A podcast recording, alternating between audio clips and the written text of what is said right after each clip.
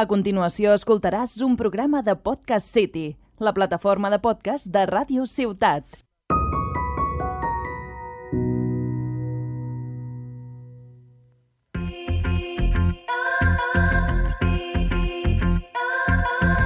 Trenquem el gel i fem un mar, com dos exagerats, com dos somiadors nats. La glòria és pels agosarats i tu i jo ja hem perdut el cap.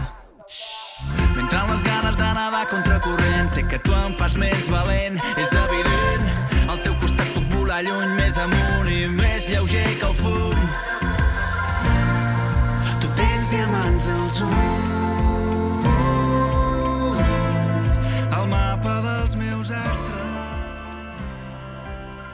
Si algun dia has tingut la sort de veure diamants, sabràs que la primera mirada del nadó cap a tu t'haurà hipnotitzat per sempre com diamants d'una brillantor immesurable. Sabràs que cada vegada que aquells ulls t'arribin al cor, estaràs perduda, estaràs perdut. Els dies passaran i aquella mirada t'anirà captivant i fent presonera. Anirà creixent mentre tu aprens a conviure amb la teva vida i la hipnosi de la seva mirada. Som en un estol, units com un de sol, una harmonia en ple vol. Som els colors de l'aurora sobre els pols, tempestes de juliol. Com ja sabeu, La Ciutat que cura és un podcast de salut i bons hàbits, però no és un podcast convencional. Així que avui he preparat Canya de la Bona, per posar veu al que silencia, per guarir allò que passa i no s'anomena. Com sempre, serem constructius i proposarem pautes, idees i recursos per ensenyar-vos coses sobre com fer l'abordatge de l'estrès, però això sí, avui no parlarem de nosaltres ni del nostre estrès, ni de les nostres presses. Parlarem de l'estrès dels nostres fills i les nostres filles, de què els ho provoca, de com ho manifesten i com podem ajudar-los. Avui un programa molt important i molt necessari, fet per compartir i ajudar el que pugui necessitar-lo, sense full de ruta, però amb un mapa, el mapa dels seus astres.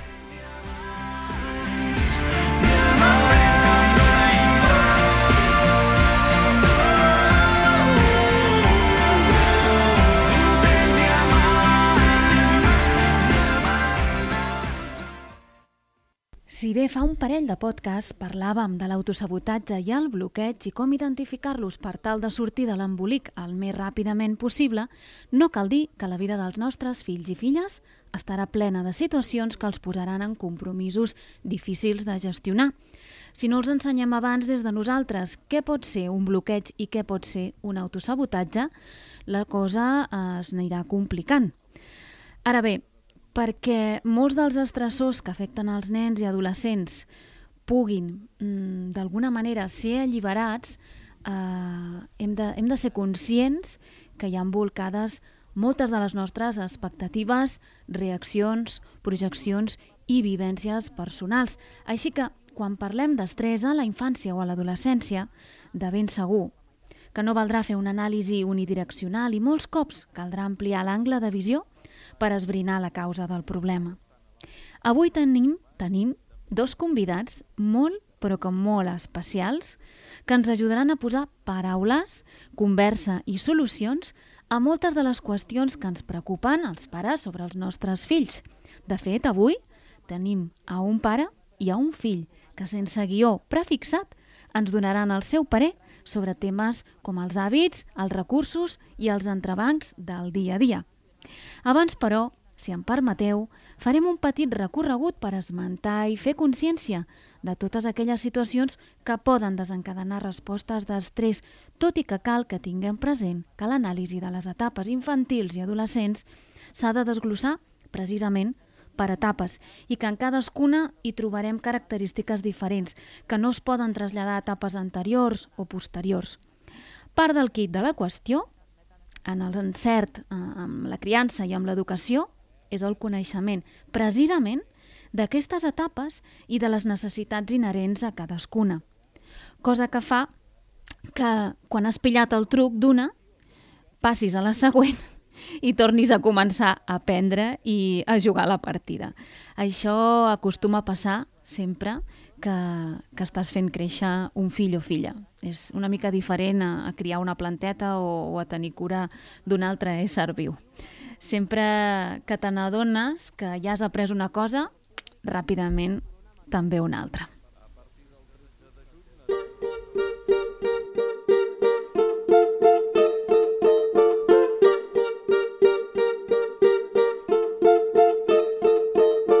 Frena, petita fera, que si vius com una flama acabes convertint en cendra i creu-me, no hi ha drecera. Aquest és un món difícil on només és fàcil perdre. Jo et guardo les espatlles sempre i sé que em guardaràs les meves. Camina sempre sense por de sentir. Calma i abaixa l'arma, perquè abans de la batalla cal conèixer qui t'ataca i mira Comencem, doncs, amb l'abordatge integratiu de l'estrès infantil. Avui no he dit, però, mm, que us parlaré més, potser al principi, des del meu rol infermer, com a infermera especialista en salut escolar. Així que durant aquesta estona inicial, el to del podcast sonarà més a, a difusió de coneixements, però no us espanteu perquè crec que igualment us agradarà molt. I esperem que arribi el dia.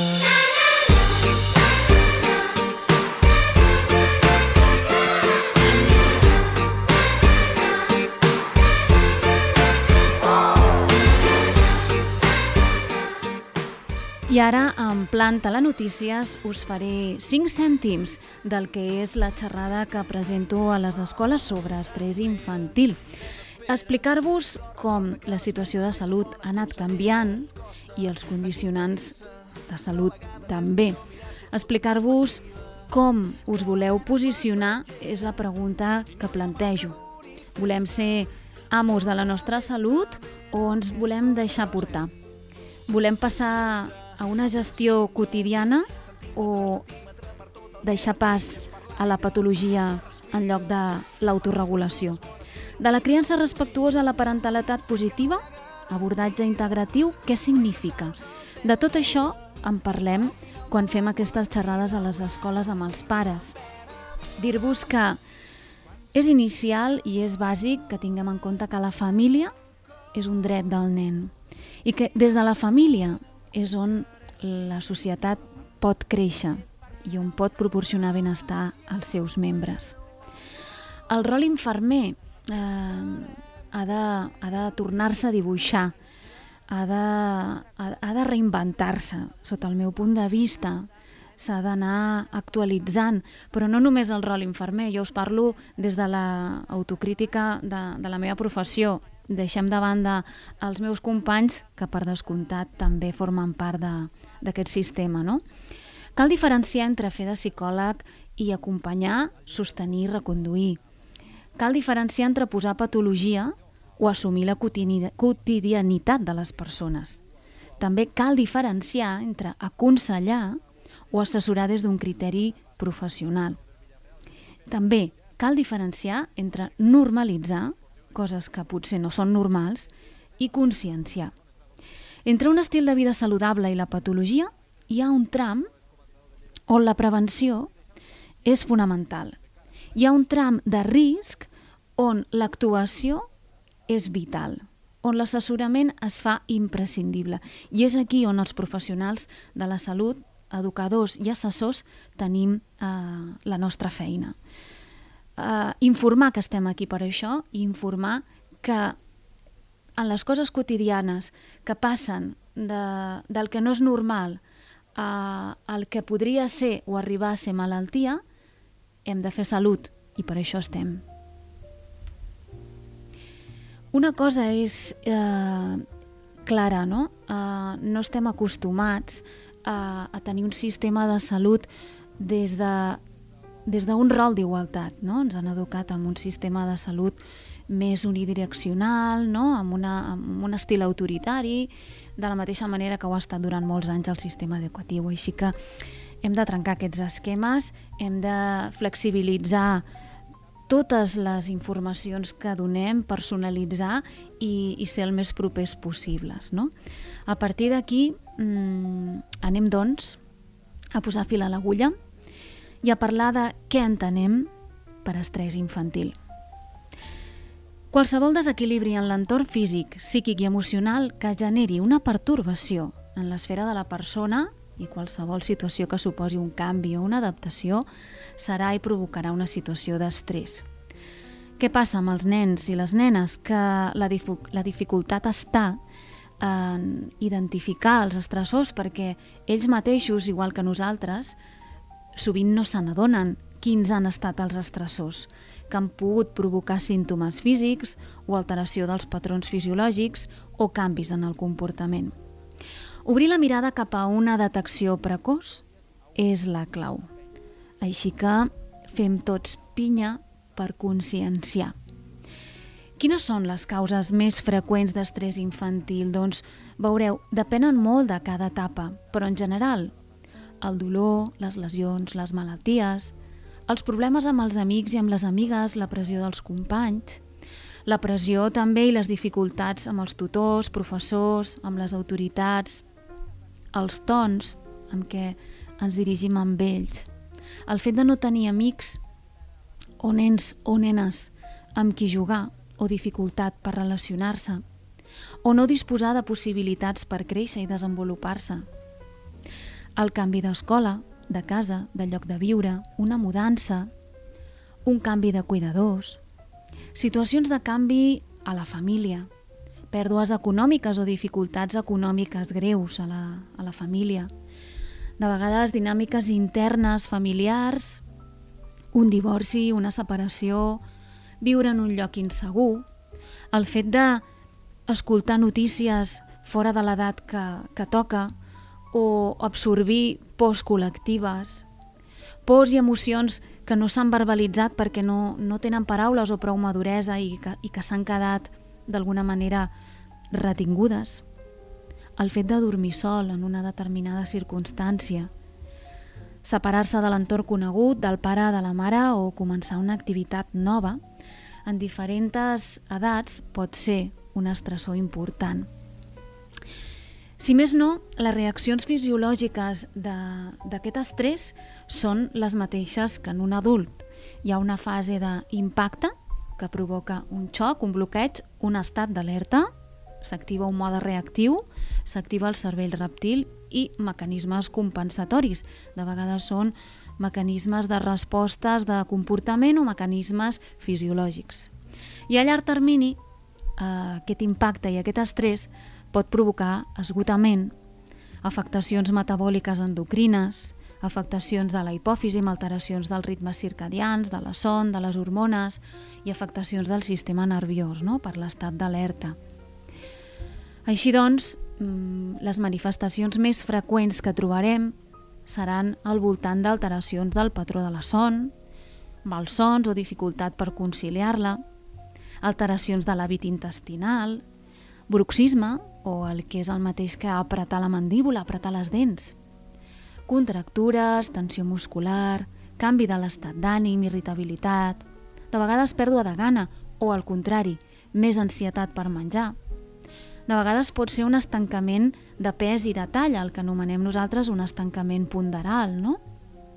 Mal de panxa, mal de cap, anoresi nocturna, de vegades hi ha apatia, sense una causa aparent, tristor, manca d'alegria o manca d'entusiasme.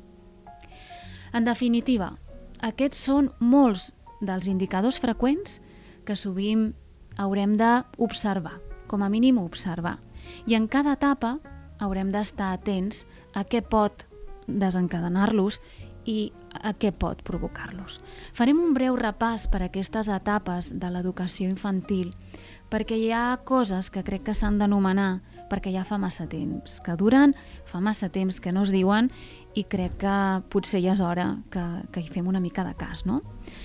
A l'etapa preescolar, eh, una de les coses que a mi em preocupava més com a infermera de pediatria era la desconnexió psicocorporal, no? és a dir, portem el nen o la nena a, a la llar d'infants o, o a l'educació preescolar o infantil i, i sembla que en lloc d'afavorir la seva corporalitat comencem a mm, perdre aquesta connexió amb el cos, no? Perquè sovint hi ha una adaptació escolar que no està personalitzada, que, que no és adequada als seus ritmes, hi ha un distanciament sense una progressió de, de, de l'adult acompanyant, no? del tutor, del cuidador.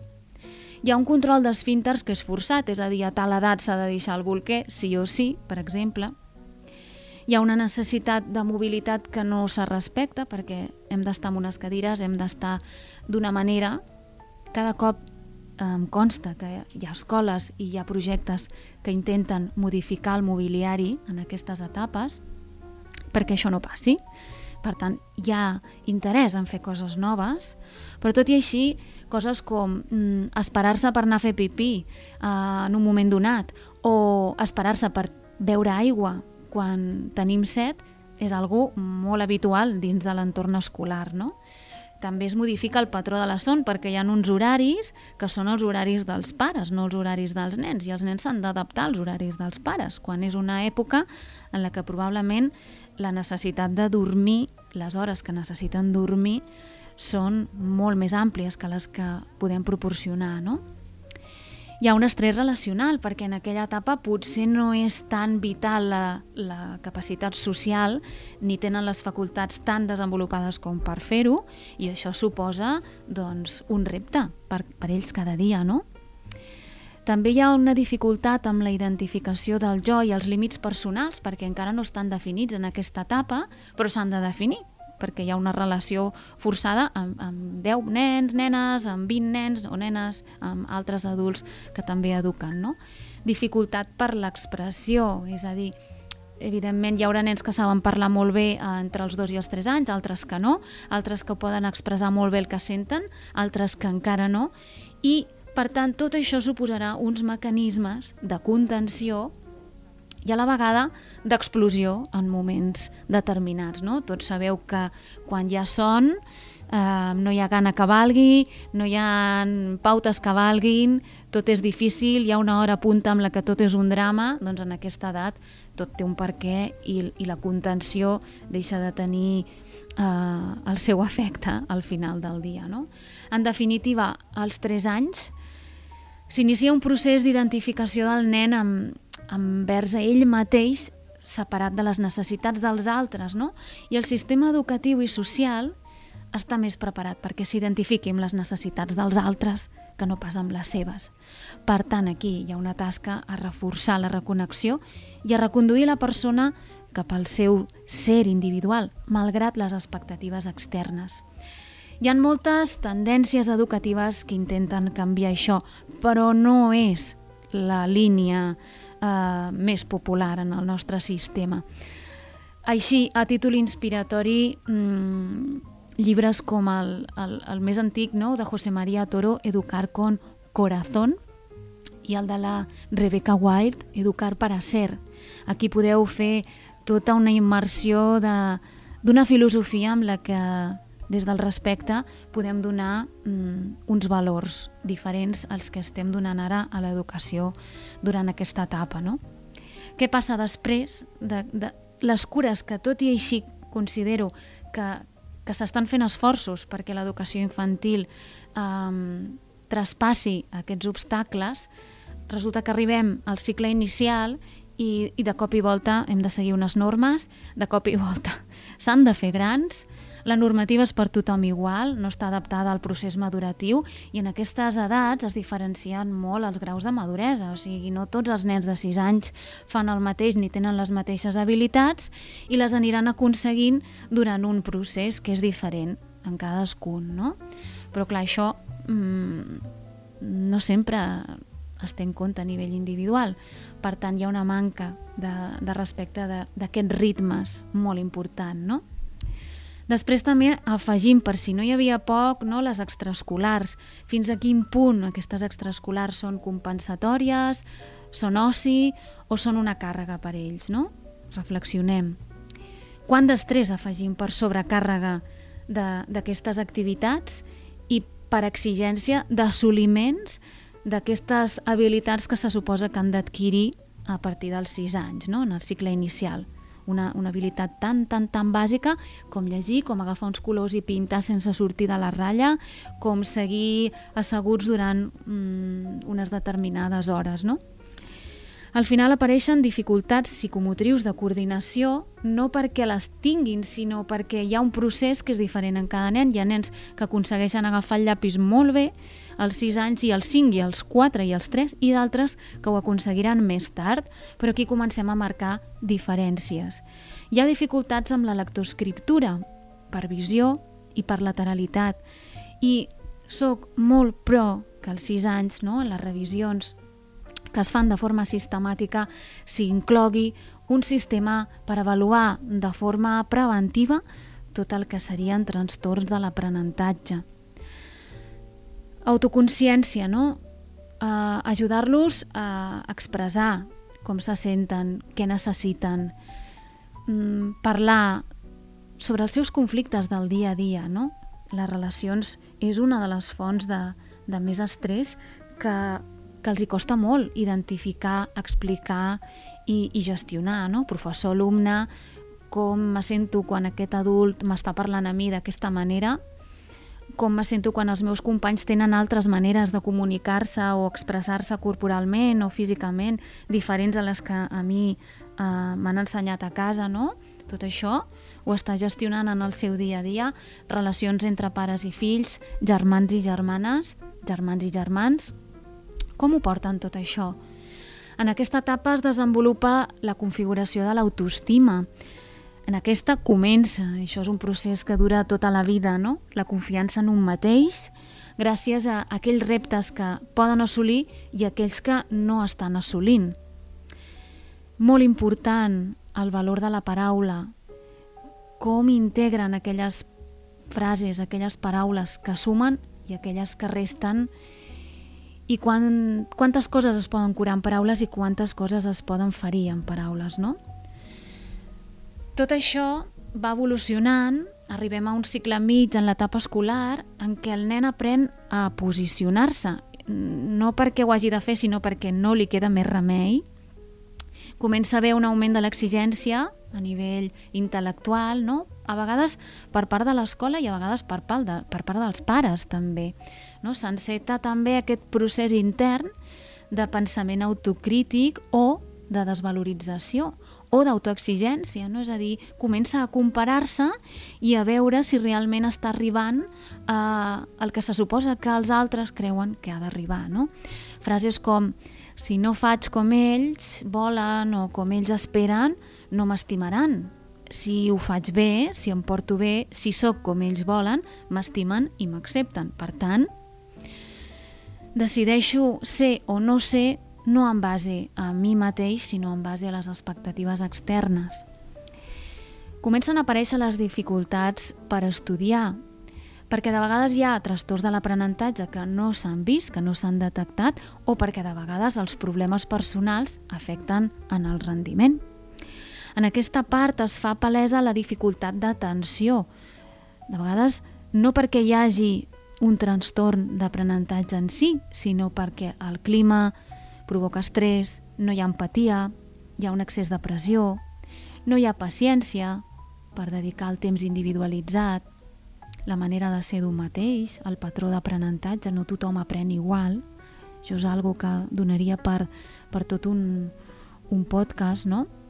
no tothom aprenem igual, per tant, és difícil que amb un mateix to educatiu eh, tothom integri la mateixa informació al mateix temps, no? I en canvi és el que s'espera i és el que s'ha fet sempre. Comencem a incorporar la idea d'esforç i aquest esforç en funció de la flexibilitat o no flexibilitat dels límits, de les tasques, de l'estil educatiu, de l'estil de criança, de l'estil de vida, mm, pot ser una cosa positiva o pot ser una cosa que s'estigui perdent. Aquí també hauríem d'analitzar cap a on anem i cap a on hauríem o podríem arribar perquè la idea d'esforç no es perdi però s'integri d'una manera mm, més amable. D'alguna forma entraríem dins de les pautes que incorporen tot el que s'anomena disciplina positiva, però que la gran majoria desconeixem i acabem per aplicar allò que ens han aplicat a nosaltres mateixos com a pares, no? En aquestes edats apareixen els conflictes entre companys que poden ser des motius de desmotivació, d'alteracions de l'estat d'ànim, del comportament. Comença a aparèixer, malauradament, la competitivitat, el lideratge, les etiquetes dels companys, les etiquetes dels professors, de la família, maleïdes etiquetes. I aquí ja comença mm, anant una mica, una mica tard, mm, m'agradaria m'agradaria que fos en aquesta edat, però sé que, que ja és abans, tota la captació d'aquest sistema de control a través de les pantalles, no? Comença a haver més disponibilitat i accessibilitat als videojocs, comença a haver pèrdua de l'espai del joc físic, del joc lliure, del joc creatiu, de la mobilitat, per donar més pas a les pantalles, no? L'acceptació del grup o no fa que els nens i les nenes es puguin tancar i aïllar en aquest món, diguem-li, digital, també, malauradament, és una opció de canguratge mmm, que avui en dia és molt, molt, molt habitual i incrementa, entre d'altres coses, eh, la desvalorització relacionada amb la imatge corporal, que ja de per si comença a desenvolupar-se en aquesta edat per la pròpia comparativa, però que les xarxes i l'accessibilitat a, a, a tota aquesta mm, digitalització fa que, que això encara s'incrementi més, no? Dir-vos que, que, que per molt que sigui antipantalles, les pantalles i la tecnologia és quelcom amb el que hem de viure, però l'educació, per fer-les sostenibles, no s'ha de fer a l'ESO. Primer, s'ha d'aprendre a conviure amb elles des d'un inici per utilitzar-les el més positivament possible, el més positivament, i amb més criteri possible. Així que ells formen part d'una generació que ha crescut i, i, i desenvoluparà les tecnologies molt més que nosaltres i és alguna cosa que nosaltres hem de mm, incorporar en els hàbits de protecció de la salut d'alguna manera diferent a la, que, a la que hem crescut nosaltres perquè nosaltres no les teníem. Tenim ara, doncs, tot, un sistema d'alertes que els nens i les nenes han començat a destapar després de dos anys de contenció mm, a causa de, del que tots ja sabem, no? de la pandèmia viscuda. Hi ha pèrdues i dols que no s'han processat perquè no s'han pogut visibilitzar o acompanyar hi ha hagut processos de desestabilització familiar per múltiples factors complexes. També hi ha hagut desatenció afectiva a causa del teletreball, de les pèrdues, estats d'ànim depressius per l'aïllament, sobretot en edats preadolescents i adolescents, bloquejos i reducció d'activitat relacional simplement perquè la pandèmia no permetia certa obertura. S'han incrementat per tant, les pors i les inseguretats, hem estat durant un temps aïllats i el fet de sortir un altre cop suposa un repte per ells en una etapa d'aprenentatge que han viscut mmm, d'una manera molt peculiar, no? Hi ha hagut aquest augment de l'aïllament, aquesta dificultat per relacionar-se, hi ha hagut un augment de l'addicció de les pantalles, també augment dels tics, dels trastorns de la son, trastorns de pes per sedentarisme, per ansietat, per mals hàbits, trastorns de la psicomotricitat, perquè hi han hagut uns canvis en les rutines quotidianes, hi ha hagut vincles afectius hiperprotectors, hi ha hagut pors no expressades, també hi han hagut maltractes i abusos que no s'han visibilitzat. I, en definitiva, eh, com, com posar paraules a això i com prioritzar allò que necessita una mirada professional o una mirada des d'un punt de vista reparador.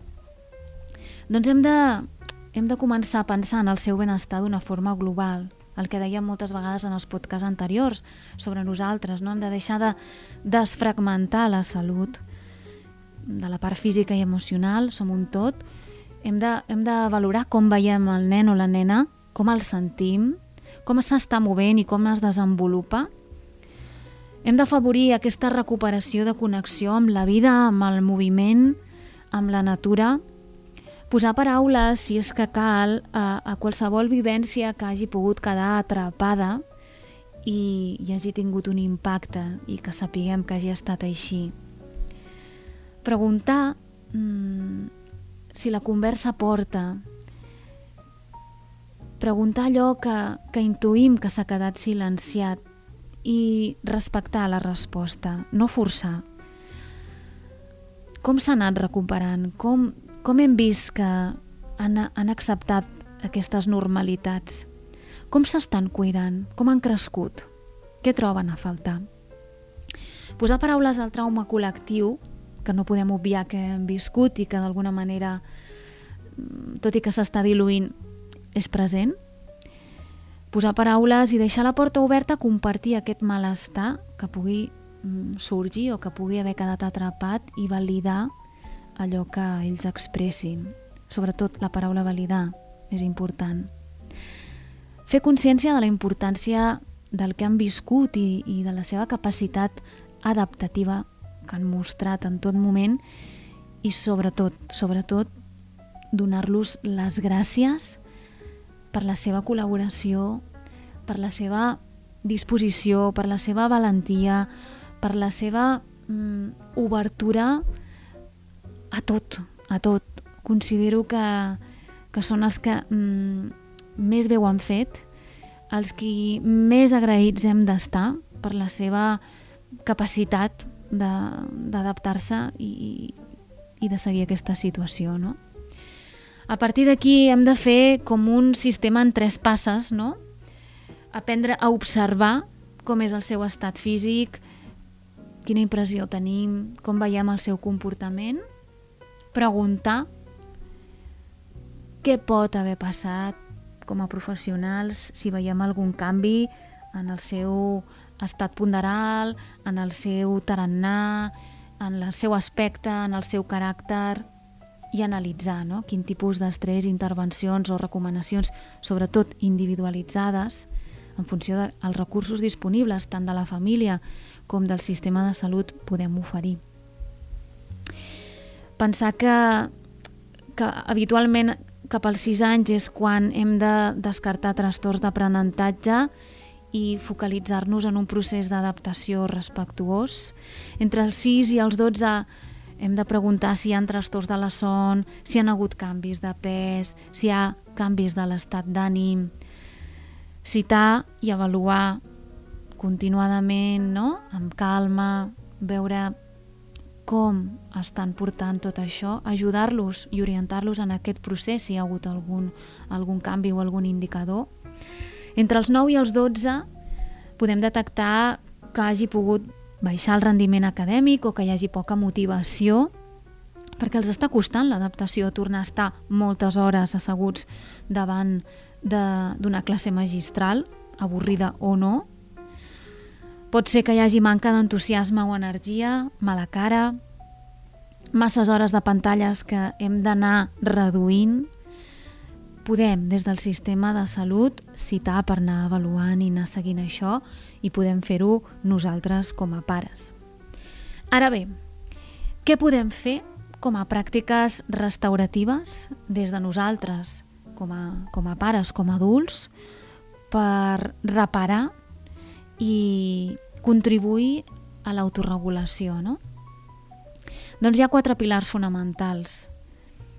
Un és fer consciència, és a dir, adonar-nos en que hi ha hagut alguna cosa que ha canviat, que ha passat, validar allò.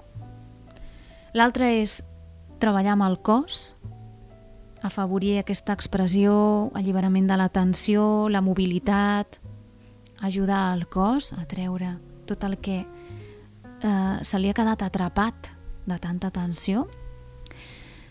L'altre pilar fonamental és la ment, ajudar a la deconstrucció d'aquestes idees limitants, d'aquestes pors i afavorir patrons positius és com si haguéssim ara de tornar a sobreescriure el disc dur d'aquests dos anys, d'aquests nens i nenes, sobretot amb, amb frases reals, no? resilients i esperançadores que els ajudi a creure que, que realment eh, les coses es poden reparar de forma adequada per cada edat. I sobretot des de, des de la nostra vessant més professional treballar amb la promoció i l'educació per aprofundir en aquestes conductes generadores de salut a les escoles i a les famílies, no? des d'un nou context de salut que és molt diferent al que teníem abans. Així doncs, les pràctiques restauratives aniran en la línia de la llibertat del ser, la, restablir la confiança amb la vida, amb un mateix, en reconèixer l'esforç, en afavorir la resiliència, un pensament constructiu, un empoderament que hem de fer des de nosaltres, des de recuperar la nostra pròpia salut cap a un futur millor imaginable i, i restaurar conjuntament aquesta confiança en la vida no? tan malmesa. Hem de recuperar l'efectivitat per afavorir aquesta expressió de contacte que ha quedat també copsada i hem d'afavorir el contacte amb la vida de moltes maneres. Animar a quedar amb grups, animar a quedar amb nens, amb nenes, a jugar, jugar, jugar, sortir, jugar, jugar, moure's, jugar, moure's, jugar, sortir, aire lliure, jugar i establir relacions vinculants. Així doncs, els factors per l'èxit seran sempre les recomanacions individualitzades, una formació parental necessària, potenciar els recursos autònoms en salut. S'ha de fer tota una tasca per reformular el que és l'educació per la salut i conscienciar, sobretot a nivell educatiu, tant a pares com a centres, en una educació des del ser que afavoreixi la connexió amb el jo i amb el cor. Així doncs, per mi és fonamental afavorir l'activitat a l'aire lliure i el contacte amb la natura, lligant amb els podcasts que sempre faig de la ciutat que cura amb adults, però és que és la medicina que realment ens ajudarà. O sigui, si salvem el planeta, ens salvem a nosaltres. Si anem a la natura, ens curem a nosaltres. Si curem la natura, ens curarem nosaltres. És així, d'obvi, de senzill i, i d'eficaç. Per tant, rutes, camins, parcs de la ciutat, patins, patinets, bicicletes, contacte amb la natura, pulseres d'activitat per pares, per fills, monitoritzar de forma positiva i animar a progressar, a fer més passes cada dia, a afavorir el moviment i a tenir unes eines motivacionals que, que ens ajudin per alguna cosa. Estan precisament aquestes apps i, i aquests jocs, no? per poder tenir reptes diaris per poder-los observar, per poder jugar.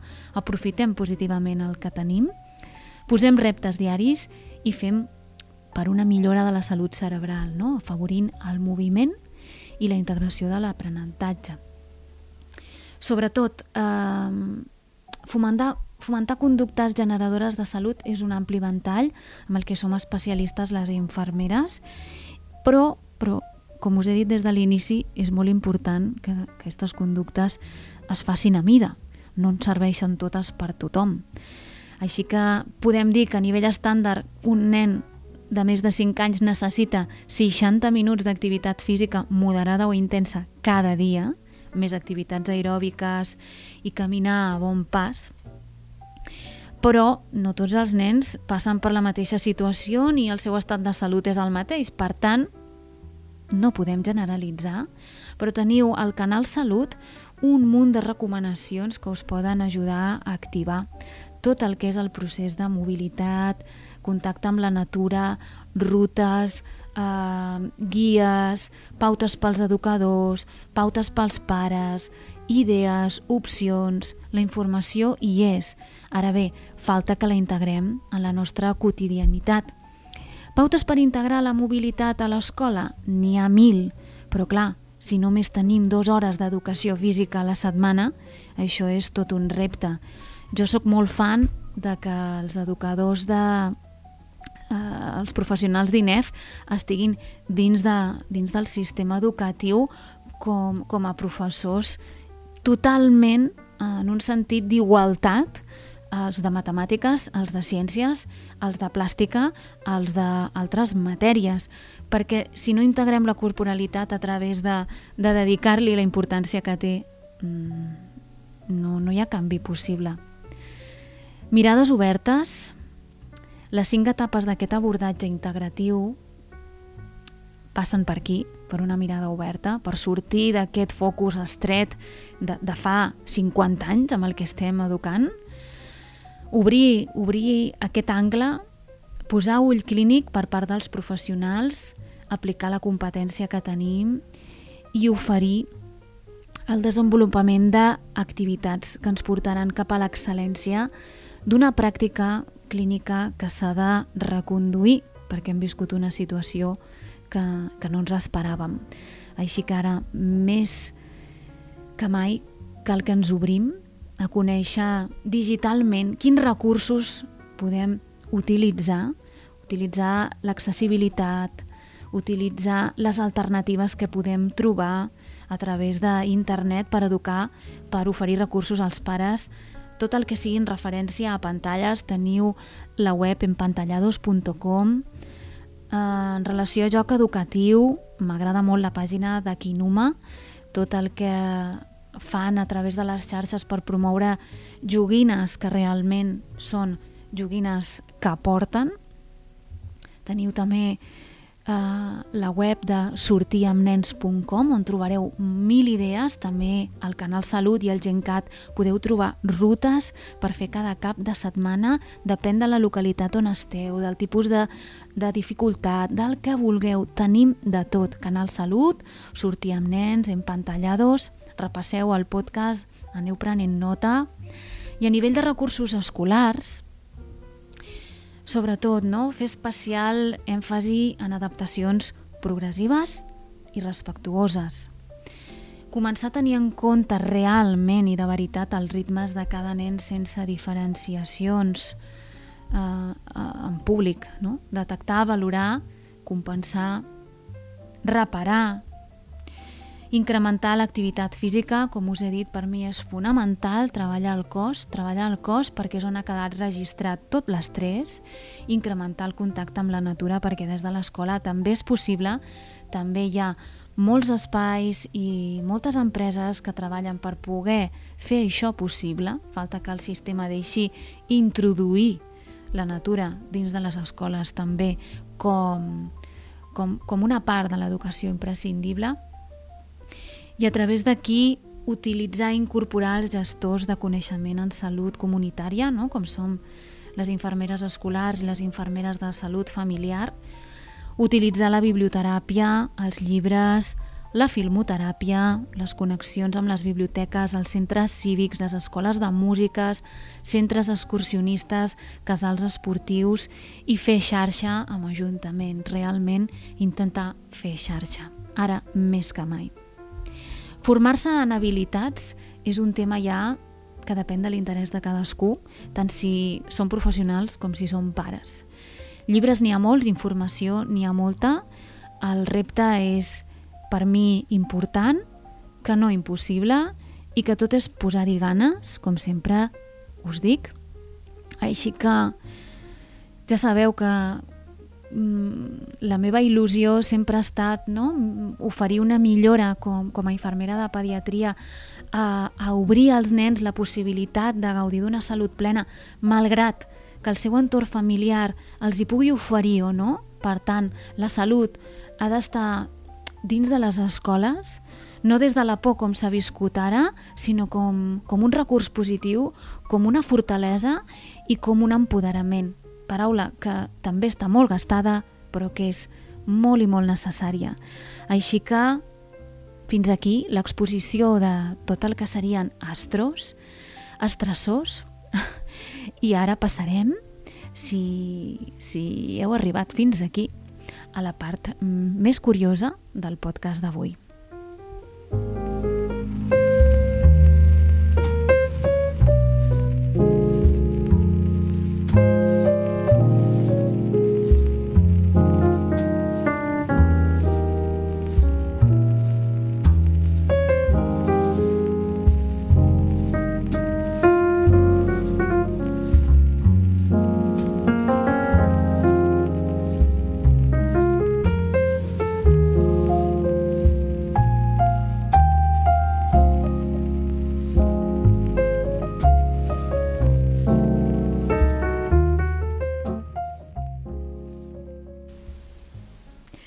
I ara sí, sense més dilació, vull presentar-vos els protagonistes del podcast d'avui. Un nen, el Biel Gomà. Hola, Biel. Hola, bona tarda. Com estàs? Bé? Sí? Sí? Sí? Gràcies Sí. per venir fins aquí. De res, de res. Tot un honor tenir-te en el programa. Gràcies, gràcies. I presentar-vos a un pare, el Joan Miquel. Hola, bona tarda. Benvingut, Joan Miquel. Gràcies. Gràcies, gràcies per poder estar aquí també, amb tan bona companyia. Gràcies a vosaltres per haver sostingut aquesta primera part del podcast tan atents i molt contenta de debò de la vostra visita i molt feliç que vulgueu compartir amb nosaltres allò que vosaltres heu après i que potser mm, pot ajudar els altres pares, nens i nenes. Per començar, un ocellet m'ha dit, Biel, que, bueno, Biel i Joan Miquel, que us heu especialitzat una mica en hàbits saludables. És en sèrio? Sí, sí. jo, jo ho intento. El Joan Miquel no ho sé, però, però jo sí, eh? Sí? Bueno, se li dona molt malament. Ah, I a tu? Com és que se't dona bé això? Per, com, què vol dir que t'has especialitzat en hàbits? Com ha passat això? Bueno, molts anys de pràctica i així. Bueno, no, són quatre mesos. Quatre mesos? Què, què ha passat en aquests quatre mesos, Biel? Pues que hi ha hagut canvis, com el Covid, i impulsos, com... Bueno, coses. Coses, no? Home, aquests quatre mesos, quins canvis són els que han sigut importants per tu? Doncs que els Reis em van portar una batedora per fer batuts. Ah, sí? Sí, Sí? sí, sí. I què va passar? Pues que justament el mes següent vam agafar el Covid i llavors la vaig fer servir per fer batuts. I Va- vaig ser l'últim que em vaig posar malalt perquè em feia batuts. Batuts de què? De, de fruita, de què seran, si no? No sé, no sé com se fan els batuts amb batedora. Tu sol? Clar, home, és Quin, que... quins és bu- ingre... És bufar i fent polles. És bufar i fent polles. quins ingredients posaves?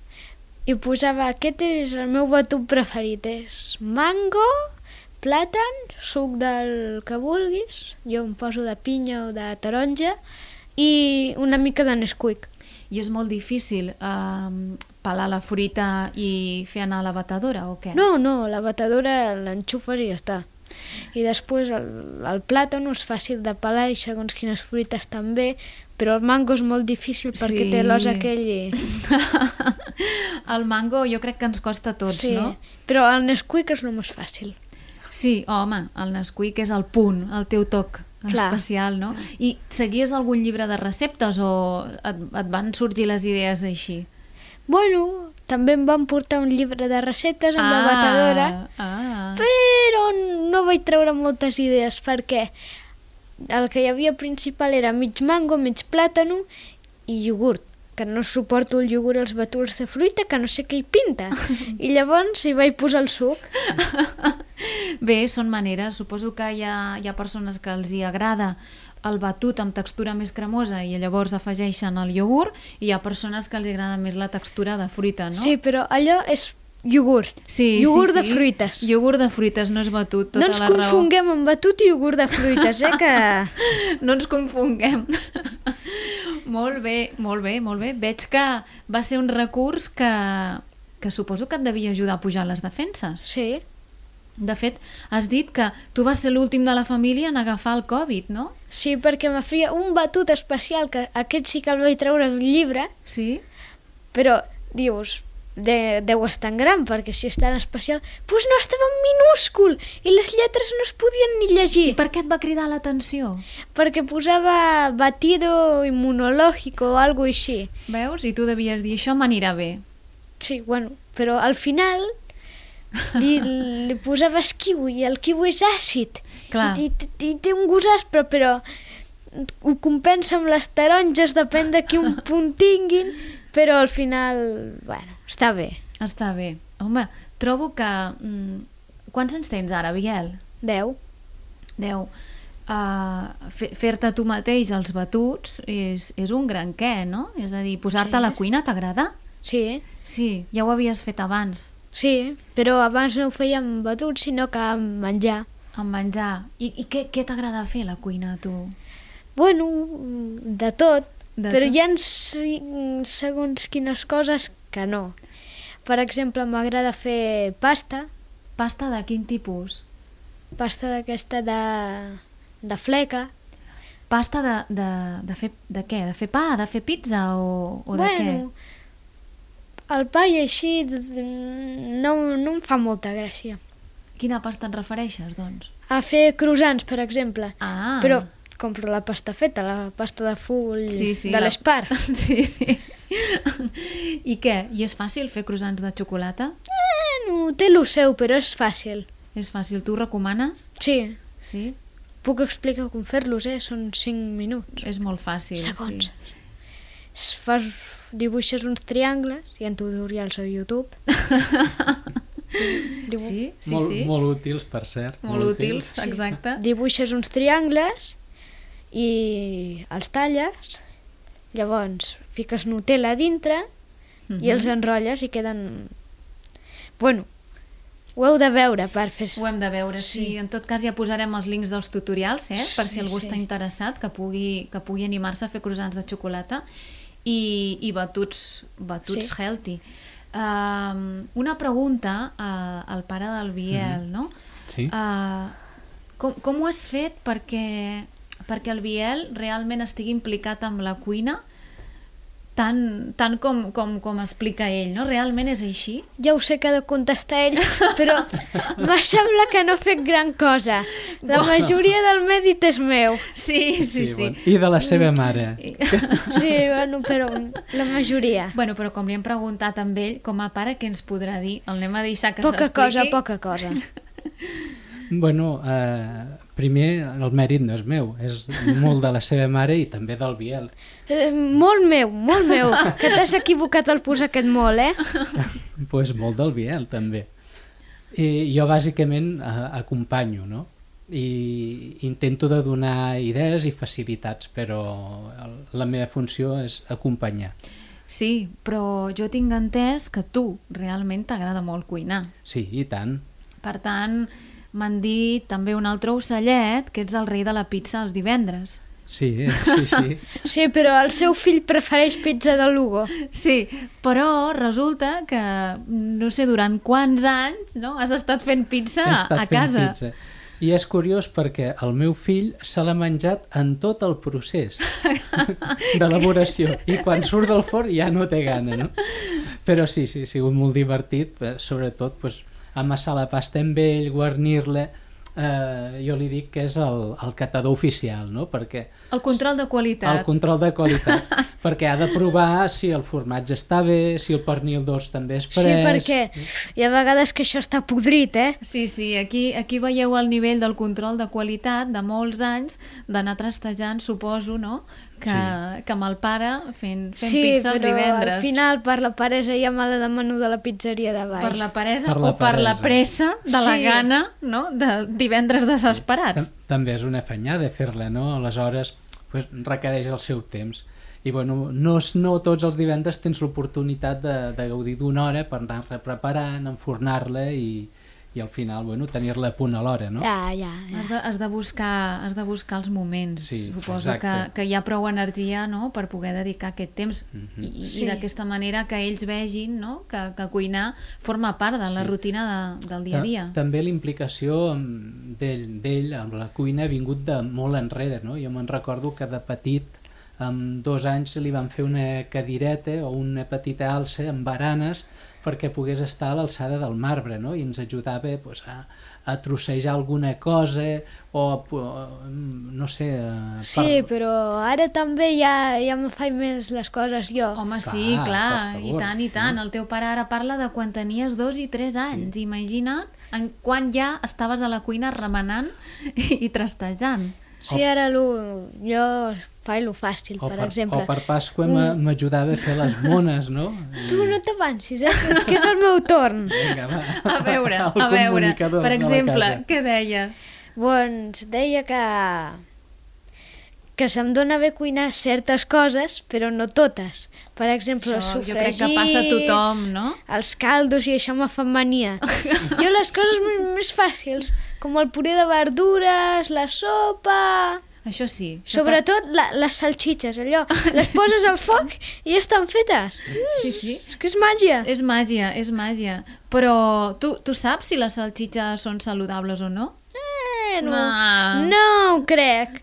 Però és recomanable menjar un, un tros de carn o dos com el palmell de la teva mà a la setmana. A la setmana? Sí, De carn vermella sí, i blanca. i blanca, sí, sí. I això, mm, tota aquesta informació que tu tens de, dels hàbits i de les proporcions, d'on l'has tret? Com ho has après? De quines persones mm, t'has inspirat? Qui t'ha ajudat? De la classe de medi del col·le, que aquest any tenim una profe molt bona, Sí? sí, Com es diu? Dolors Gàndara, Sí. sí, que ens va ensenyar coses sobre la piràmide dels aliments i així. Sí.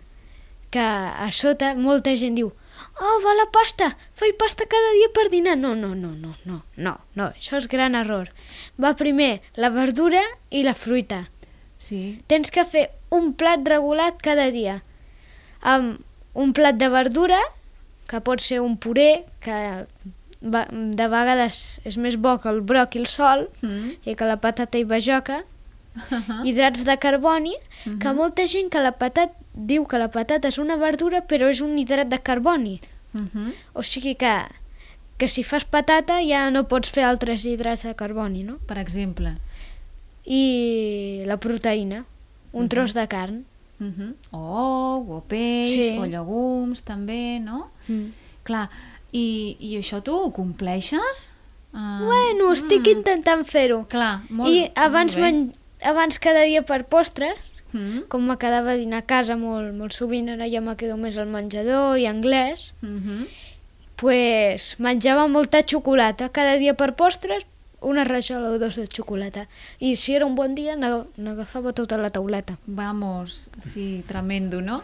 Però al final del dia havies menjat verdura, havies menjat alguna cosa de fruita i havies menjat hidrats de carboni. Abans no, eh? Abans menjava salxitxes, ous, pasta, coses d'aquestes. Mhm. Més regulades, però no. Ara, quan me diuen o sopa o puré, doncs dic puré. Es, això m'interessa. Quan me diuen, ara anem a fer-li una pregunta al pare, com ho, com ho heu fet per, per fer aquesta transformació no? i que al final realment puguem incorporar uh, certs hàbits. Ara, ara estem parlant del menjar, per exemple, no? Sí. Bueno, pues eh, és un esforç realment, no? perquè eh, venim d'unes tradicions o d'uns hàbits que no tenen en compte el nen.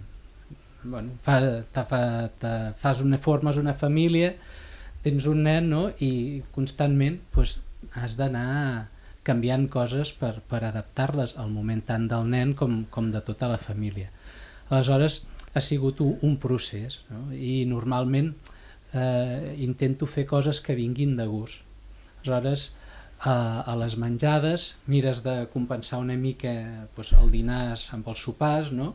i sempre oferir alguna de varietat perquè en aquest cas el Biel doncs, mengi a gust, no? però sempre intentant compensar-ho.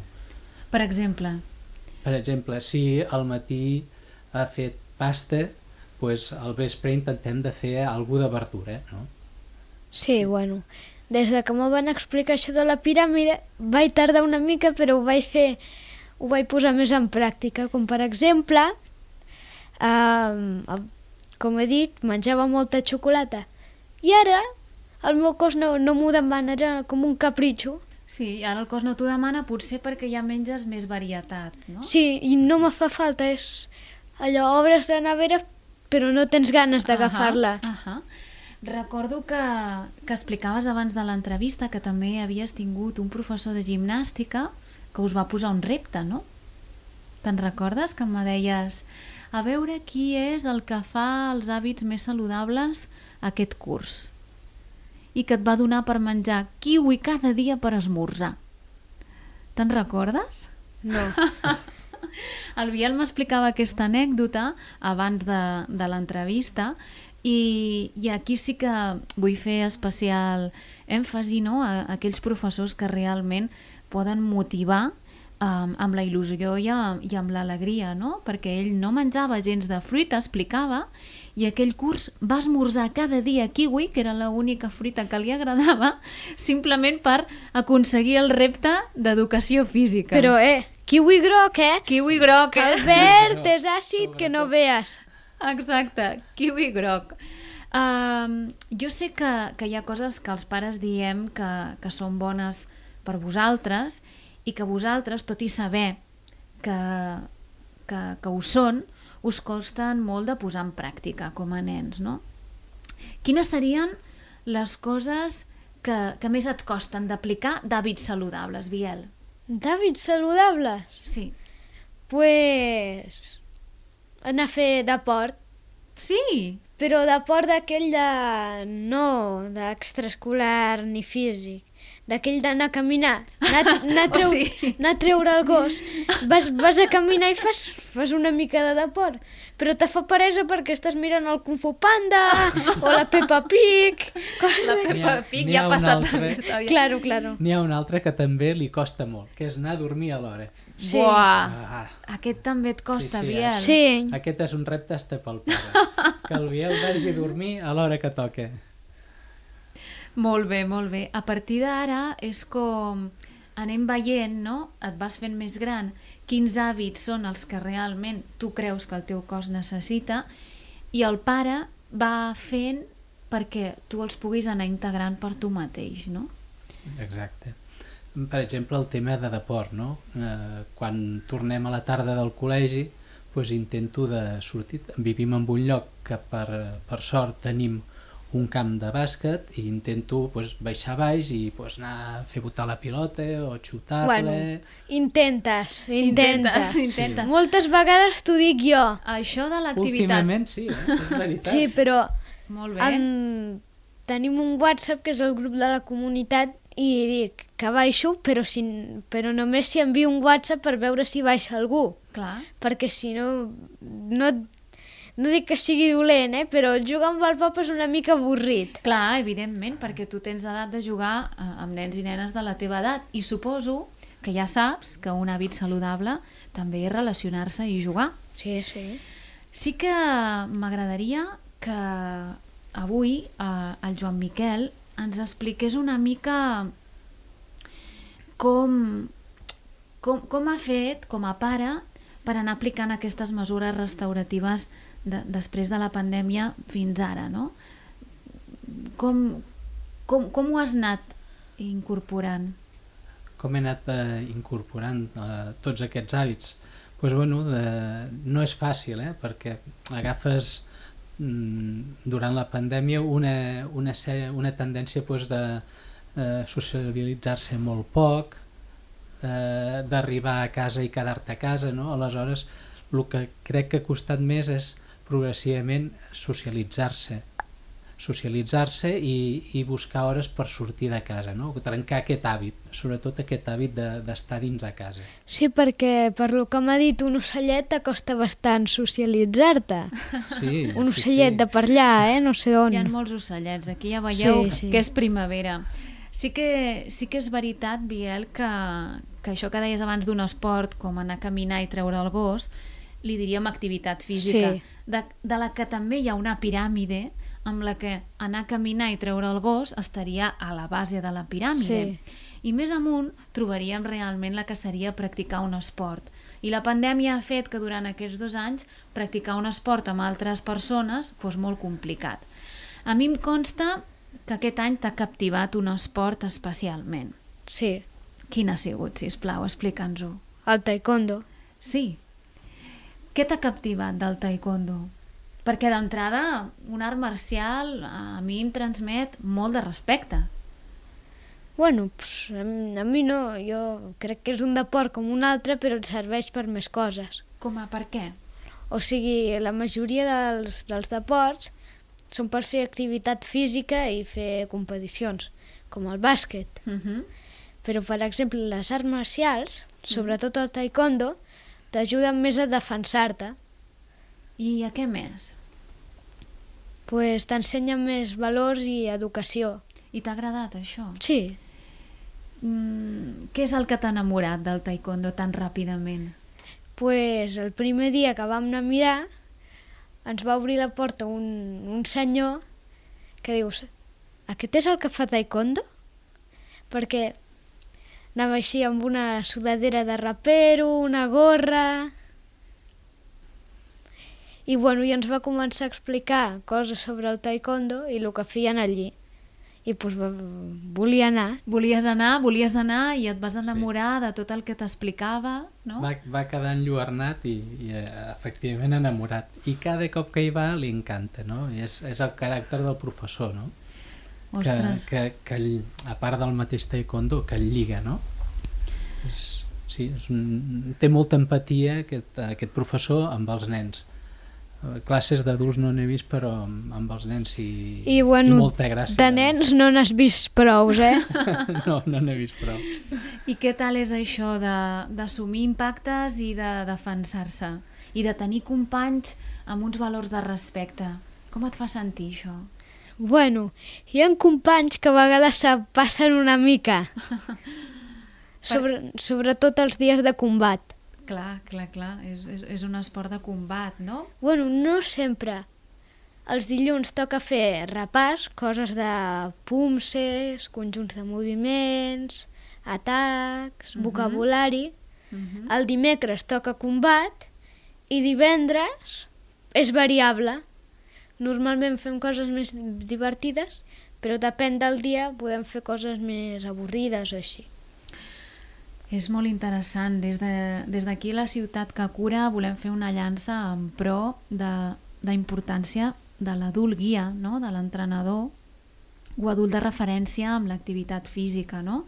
I sí que també volem fer un reconeixement i un agraïment al professor de, de taekwondo del Biel, amb felicitacions per la seva parella, que també és professora, i el fundador del gimnàs, no? del gimnàs Taekwondo Cha de Tarragona, pels valors de respecte i disciplina i des de l'amor cap als nens i les persones que transmeten.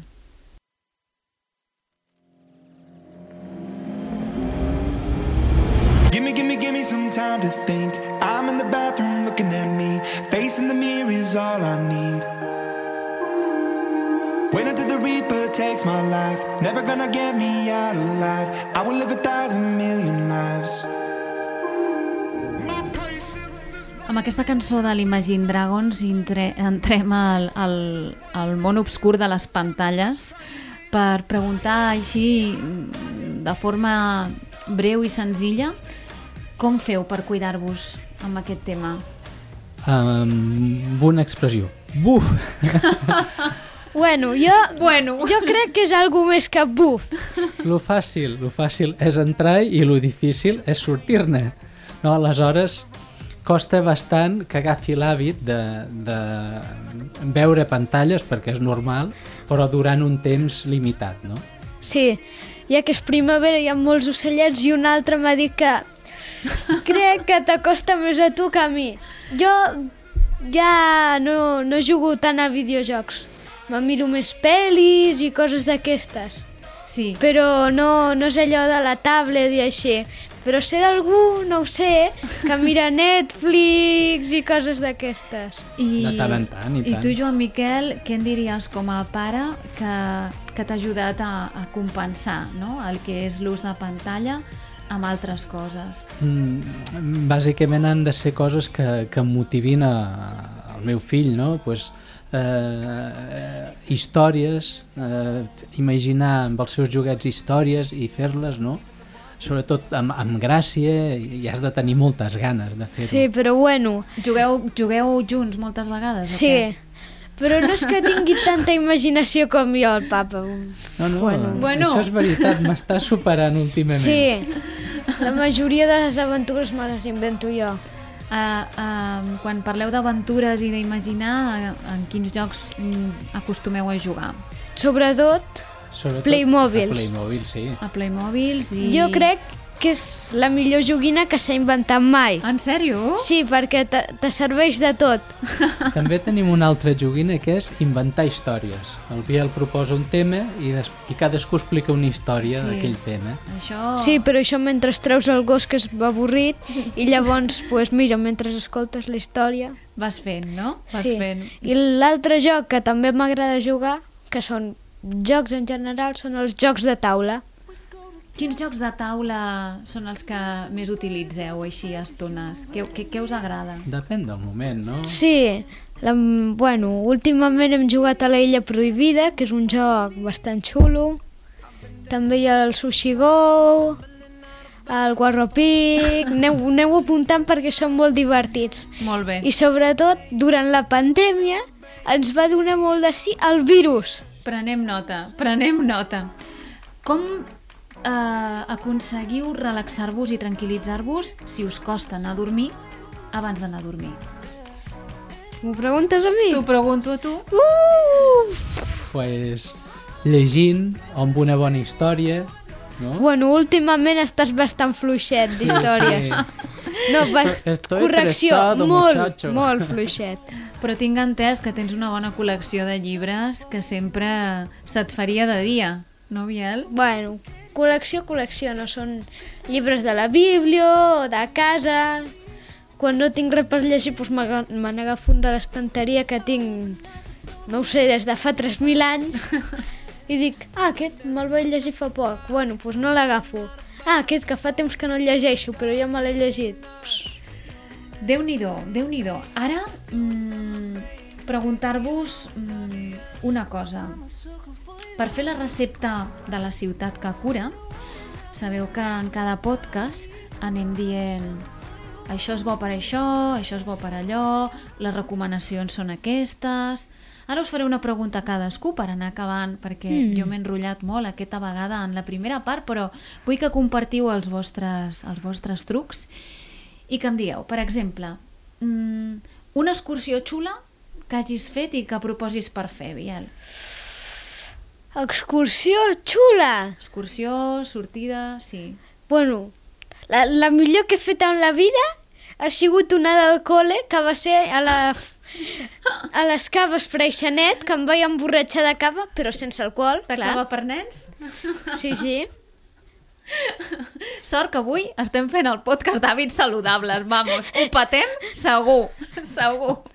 Bueno, de fet, vaig fer un truco que a la gent no li agradava perquè deia que tenia com espuma o alguna així i llavors jo vaig anar ficant Això l'aigua. no està preparat, com podeu veure, Ja, sí, com sí, podeu és, veure. és improvisat total. És improvisat total. Vaig ficar l'aigua de la botella en gots buits Sí. i els gots de cava me'ls vaig ficar a la botella i després me la vaig emportar. Sort que eduquem en hàbits saludables, eh? Sí, sí. I ara li preguntarem al Però, teu pare... però no només eren les caves Freixenet, sinó que la fàbrica Simon Coll, de xocolata.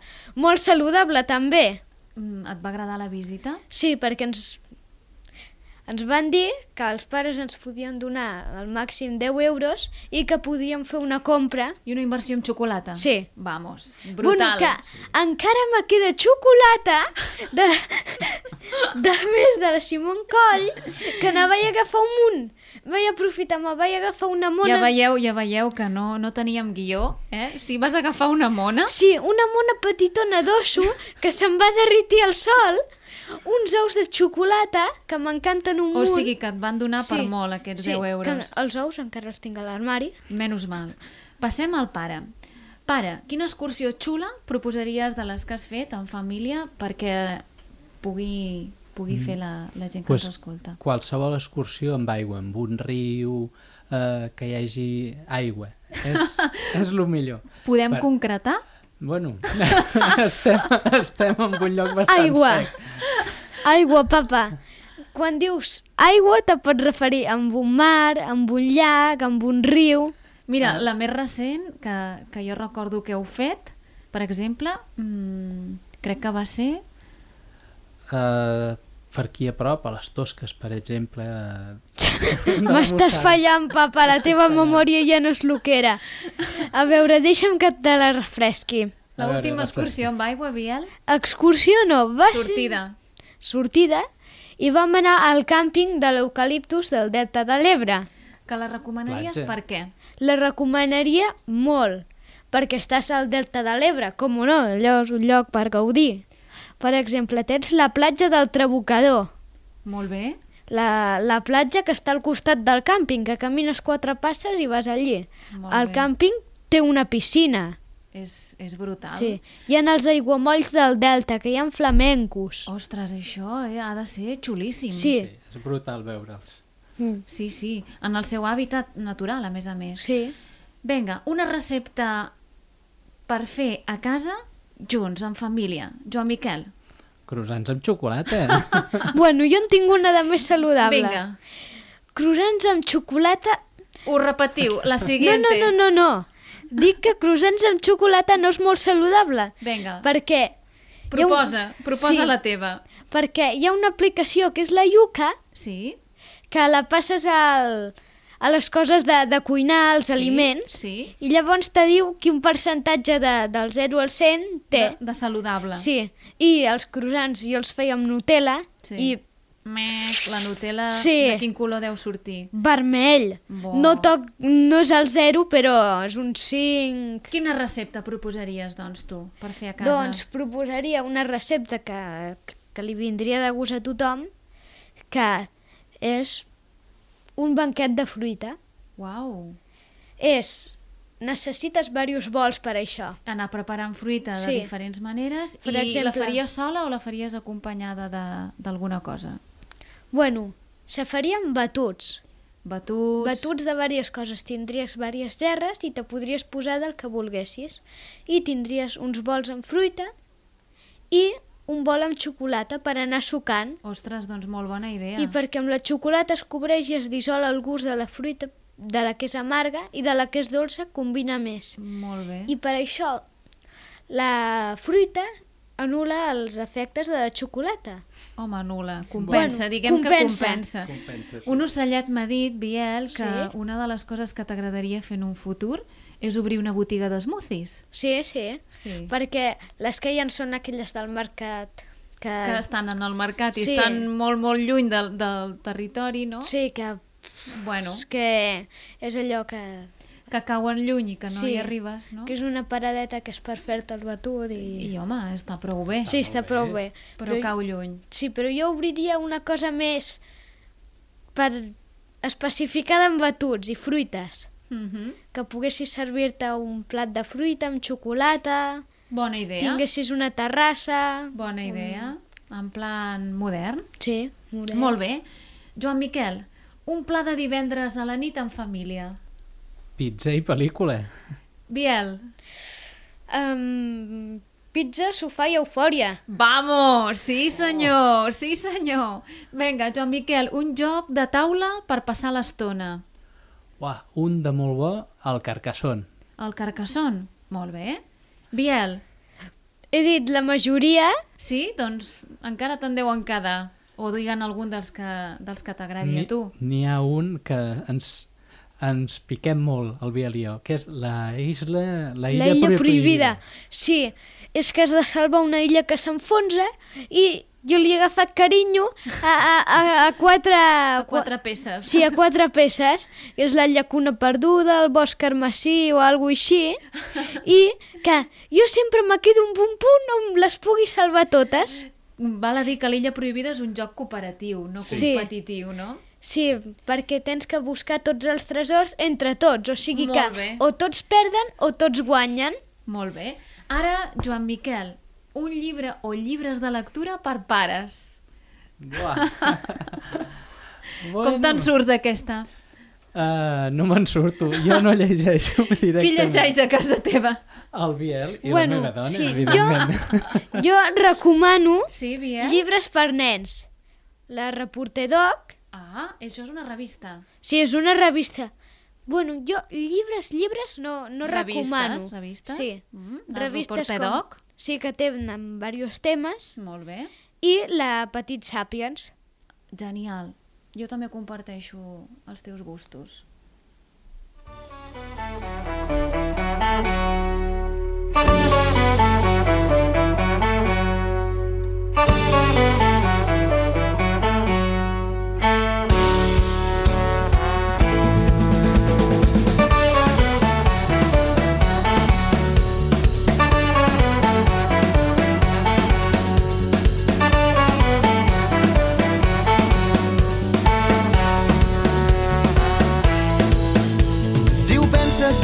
Potser demà no hi ets. Saps bé que mai podràs aturar el temps. Simplement deixa't endur pel vent. Veuràs que tot recobra el seu sentit. Fins aquí hem de finalitzar l'entrevista amb els convidats estrella que hem tingut avui. Privilegi i afortunada donar-vos les gràcies, Joan Miquel, Biel, De res, de res, home. Gràcies a tu també. de tot cor per compartir les vostres experiències. Eh, ens n'han quedat per compartir, així que Moltes, haureu de, moltes. haureu de tornar a venir per compartir coneixements i potser fem hasta una secció i tot. Eh, encantadíssima de la vostra sinceritat i de la vostra franquesa. Gràcies, gràcies. Gràcies.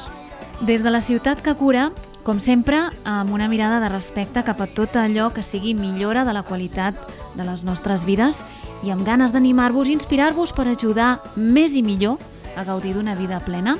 En aquest cas, eh, d'avui a poder respirar els vostres fills i filles des d'una mirada amorosa, constructiva, realista i enriquidora, tinguin l'edat que tingui, ara no val rendir-se, no val repetir esquemes, tenim la informació i ara cal fer i cal moure el cul de la cadira, així que observeu, mireu els ulls, parleu si cal o demaneu ajuda i recordeu que entre la normalitat i la malaltia ens passen coses, coses que avui dia podem resoldre. No en tingueu cap dubte. Avui estem vius. Recordeu que el kit està en trobar el punt d'equilibri entre el nostre ser essencial i la nostra missió com a pares. Tenir cura de nosaltres mateixos és l'ingredient bàsic perquè ells aprenguin a fer-ho. Recordeu que aquest programa és un extracte d'una de les activitats de divulgació de Salut amb Consciència, el projecte adherit a la ciutat que cura per promoure una vida plena des de l'atenció individual i la promoció de conductes generadores de salut.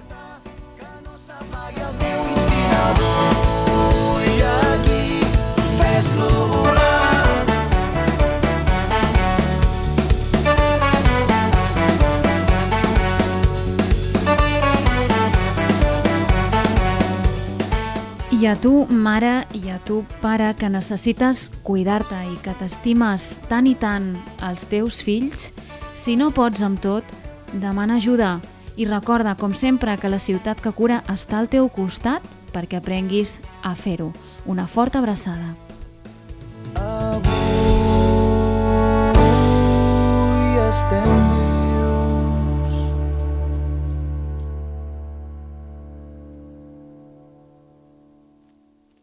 Has escoltat un programa de Podcast City, la plataforma de podcast de Ràdio Ciutat.